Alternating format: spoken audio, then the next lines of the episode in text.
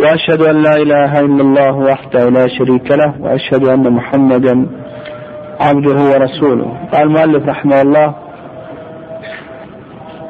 المرتبة الثالثة الإحسان الإحسان هو ضد الإساءة والإحسان ينقسم إلى قسمين. القسم الأول إحسان مع الخلق والقسم الثاني إحسان مع الخالق. أما القسم الأول فهو الإحسان مع الخلق فهو بذل الندى وكف الأذى وطلاقة الوجه. بذل الندى وكف الأذى وطلاقة الوجه. هذا الإحسان.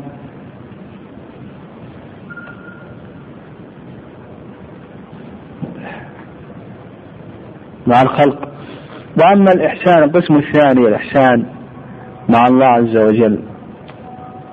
وبينه المؤلف تعبد الله كأنك تراه فإن لم تكن تراه فإنه يراك.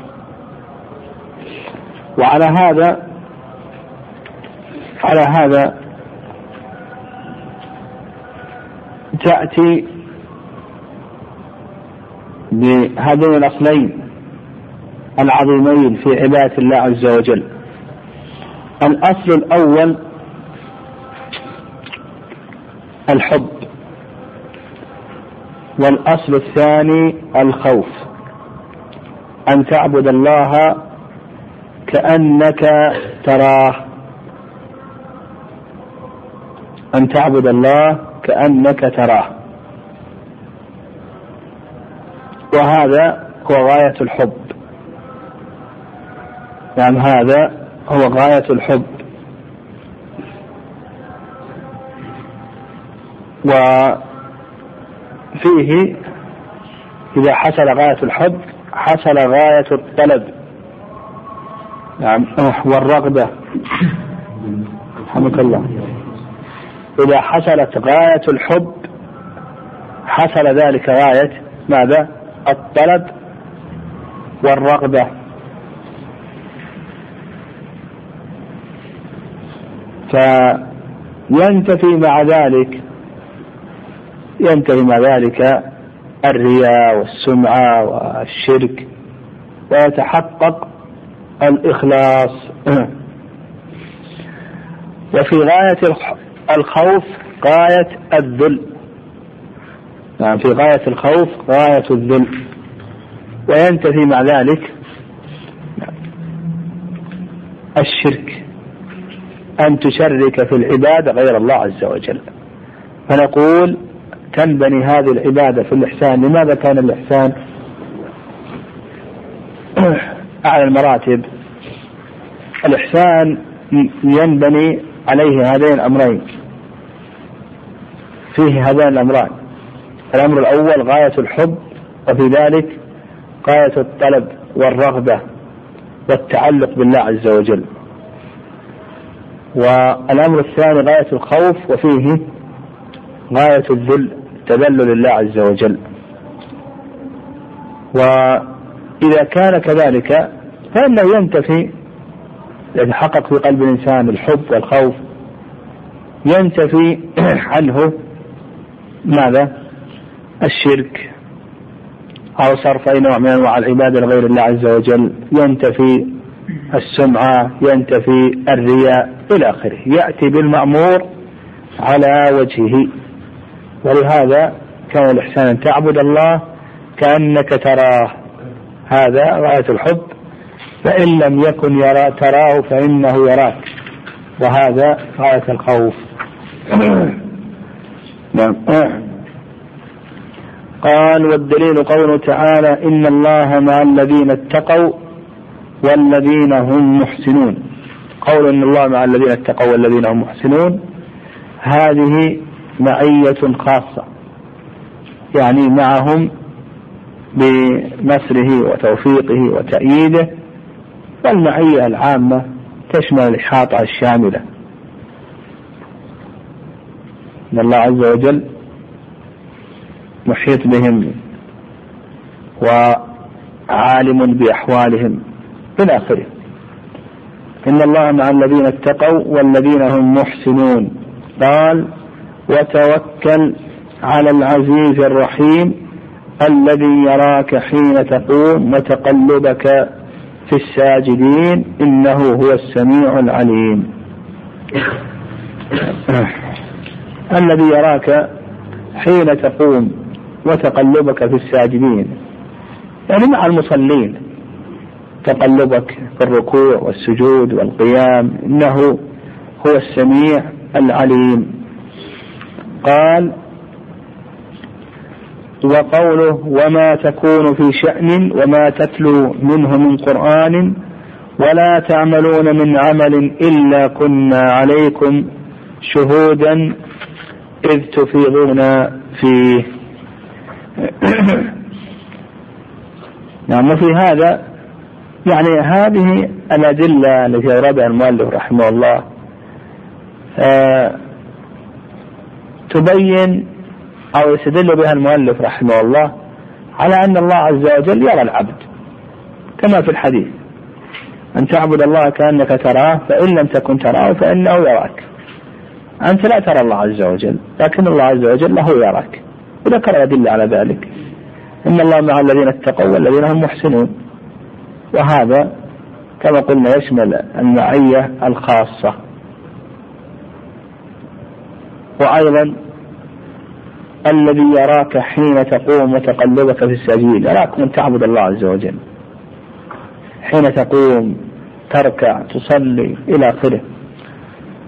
وما تكون في شأن وما تتلو منه من قرآن ولا تعملون من عمل. في أي شأن في أي أمر من الأمور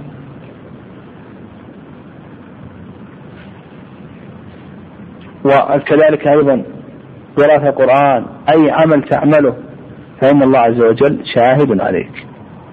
فالله عز وجل المؤلف رحمه الله استدل بهذه الأدلة على أنك إذا عملت أي عبادة فإن الله يراك يشاهدك. إذا قرأت القرآن يراك إذا آه، عملت أي عمل يراك آه، إذا تقلبت في المصلين فإن الله عز وجل يراك. أيضا الله عز وجل معك في تقواك معك بنصره وتأييده وتوفيقه إلى آخره. فهذه الأدلة استدل المؤلف رحمه الله على أن الله عز وجل يراك. وهذا يقتضي إذا كان الله عز وجل يراك كما قلنا غاية الخوف من الله سبحانه وتعالى يخاف من الله سبحانه وتعالى ويتذلل إليه. غاية الخوف وغاية الذل بين يدي الله سبحانه وتعالى. هذا يولد في القلب الخوف المراقبة. إذا استحضر أن الله عز وجل يراقبه أن الله مطلع عليه ويشهد عمله فإنه يولد في قلبه الخوف منه سبحانه وتعالى. قال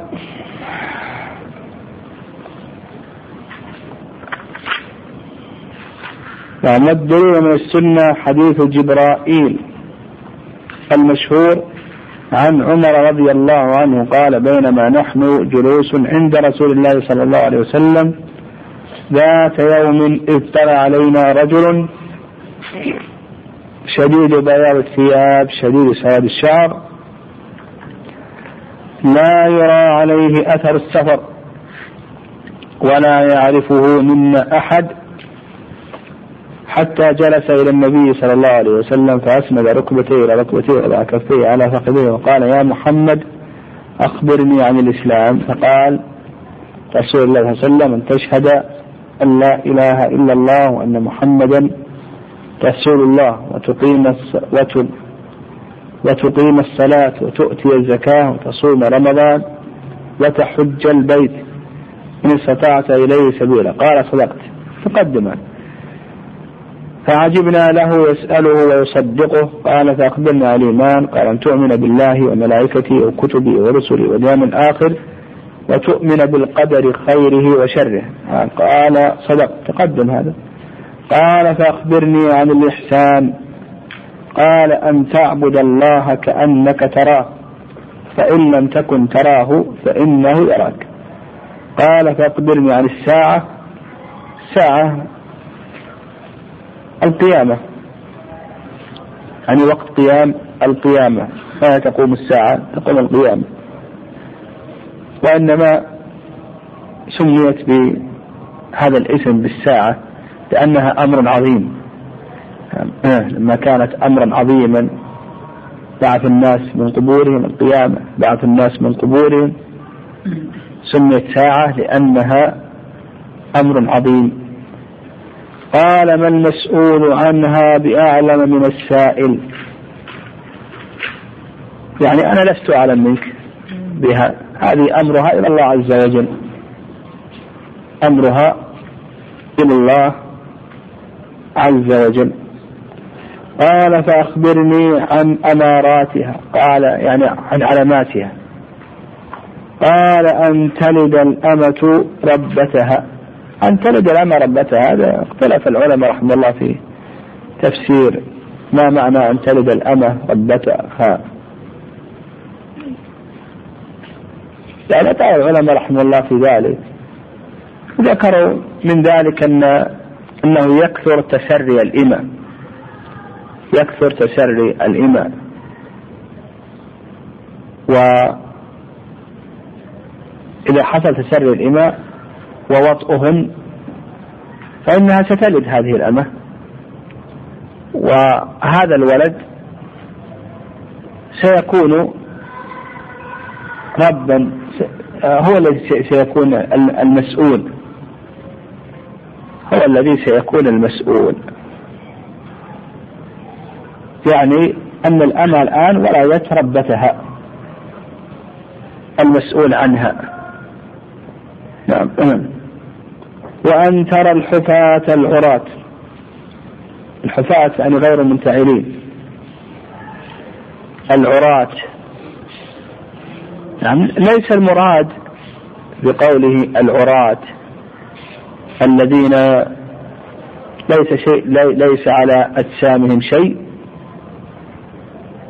وإنما انكشف شيء من أجسامهم. يعني انكشف شيء شيء من أجسامهم. العالة رعاء الشاة يعني الفقراء الذين يرعون الشاة. يتطاولون في البنيان. يعني أنهم فقراء. لكن يمن الله عز وجل عليهم وتفتح عليهم الدنيا ويتطاولون في البناء. قال فمضى فلبثنا مليا يعني زمنا. فقال يا عمر تدري من السائل. قلت الله ورسوله أعلم. قال هذا جبريل أتاكم يعلمكم أمر دينكم. قال الأصل الثالث معرفة نبيكم محمد صلى الله عليه وسلم. وهو محمد بن عبد الله بن عبد المطلب بن هاشم وهاشم من قريش وقريش من العرب والعرب من ذرية إسماعيل بن إبراهيم الخليل عليه وعلى نبينا أفضل الصلاة والسلام. هذا الأصل الثالث. لما تكلم المؤلف رحمه الله عن الأصل الأول ومعرفة الرب معرفة الإنسان ربه ثم تكلم على الأصل الثاني معرفة الإنسان نبيه تكلم آه، دينه. تكلم على الأصل الثالث وهو معرفة الإنسان نبيه ومعرفة النبي صلى الله عليه وسلم تتضمن أمورا. الأمر الأول فيما يتعلق بنسبه. وهذا بينه المؤلف رحمه الله. الأمر الأول فيما يتعلق بنسبه. وهذا بينه المؤلف رحمه الله بقوله هو محمد بن عبد الله بن عبد المطلب ابن هاشم وهاشم من قريش وقريش من العرب والعرب من ذرية إسماعيل بن إبراهيم الخليل. عليه وعلى نبينا أفضل الصلاة والسلام. الأمر الثاني أين ولد؟ وإلى أين هاجر وكم عمره إلى آخره. بين المؤلف رحمه الله بقوله وله من العمر ثلاث وستون سنة منها أربعون قبل النبوة وثلاث وعشرون نبيا مرسلا. الأمر الثالث لما نبئ النبي صلى الله عليه وسلم وبما أرسل نعم. نعم. أو قبل ذلك يعني ما هي حياته النبوية عليه الصلاة والسلام؟ بينها المؤلف رحمه الله بقوله أربعون قبل النبوة وثلاث وعشرون نبيا ورسولا. فالنبي عليه الصلاة والسلام حياته النبوية ثلاث وعشرون سنة. الأمر الرابع بما نبئ وبما أرسل. قال المؤلف رحمه الله نبئ بإقرأ. وأرسل بالمدثر. نعم. نبئ بإقرأ وأرسل بالمدثر. الأمر الخامس. نبئ بيقرأ وأرسل بالمدثر. والفرق بين النبي والرسول. قال بعض العلماء الرسول ذكر أوحي إليه بشرع وأمر بتبليغه. والنبي ذكر أوحي إليه بشرع ولم يؤمر بتبليغه. وقال بعض العلماء بأن النبي هو الذي يحكم برسالة الرسول الذي قبله ولا يوحى إليه بشرع جديد. نعم. الأمر الخامس ما هي بلده وإلينا وإلى أين هاجر؟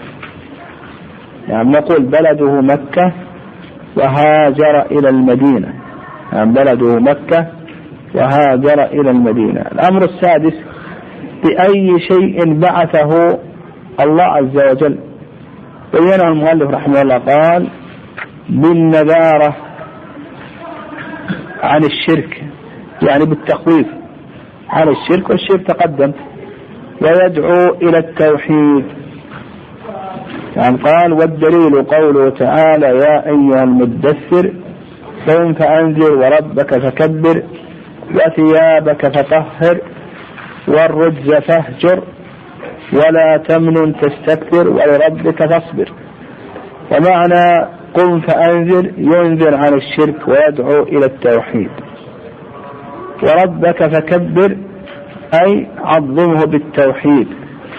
وثيابك فطهر أي طهر أعمالك عن الشرك والرجز فاهجر الرجز الأصنام وهجرها تركها والبراءة منها وأهلها.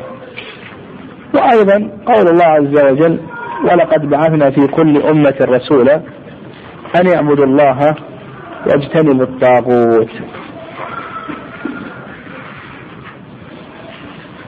وأيضا قول الله عز وجل قل إنما أنا بشر مثلكم يوحى إلي أنما إلهكم إله واحد. وفي هذه الآيات ونحوها بيان لما بعث به النبي صلى الله عليه وسلم وأن النبي صلى الله عليه وسلم بعث بالدعوة إلى التوحيد والنذارة عن الشرك.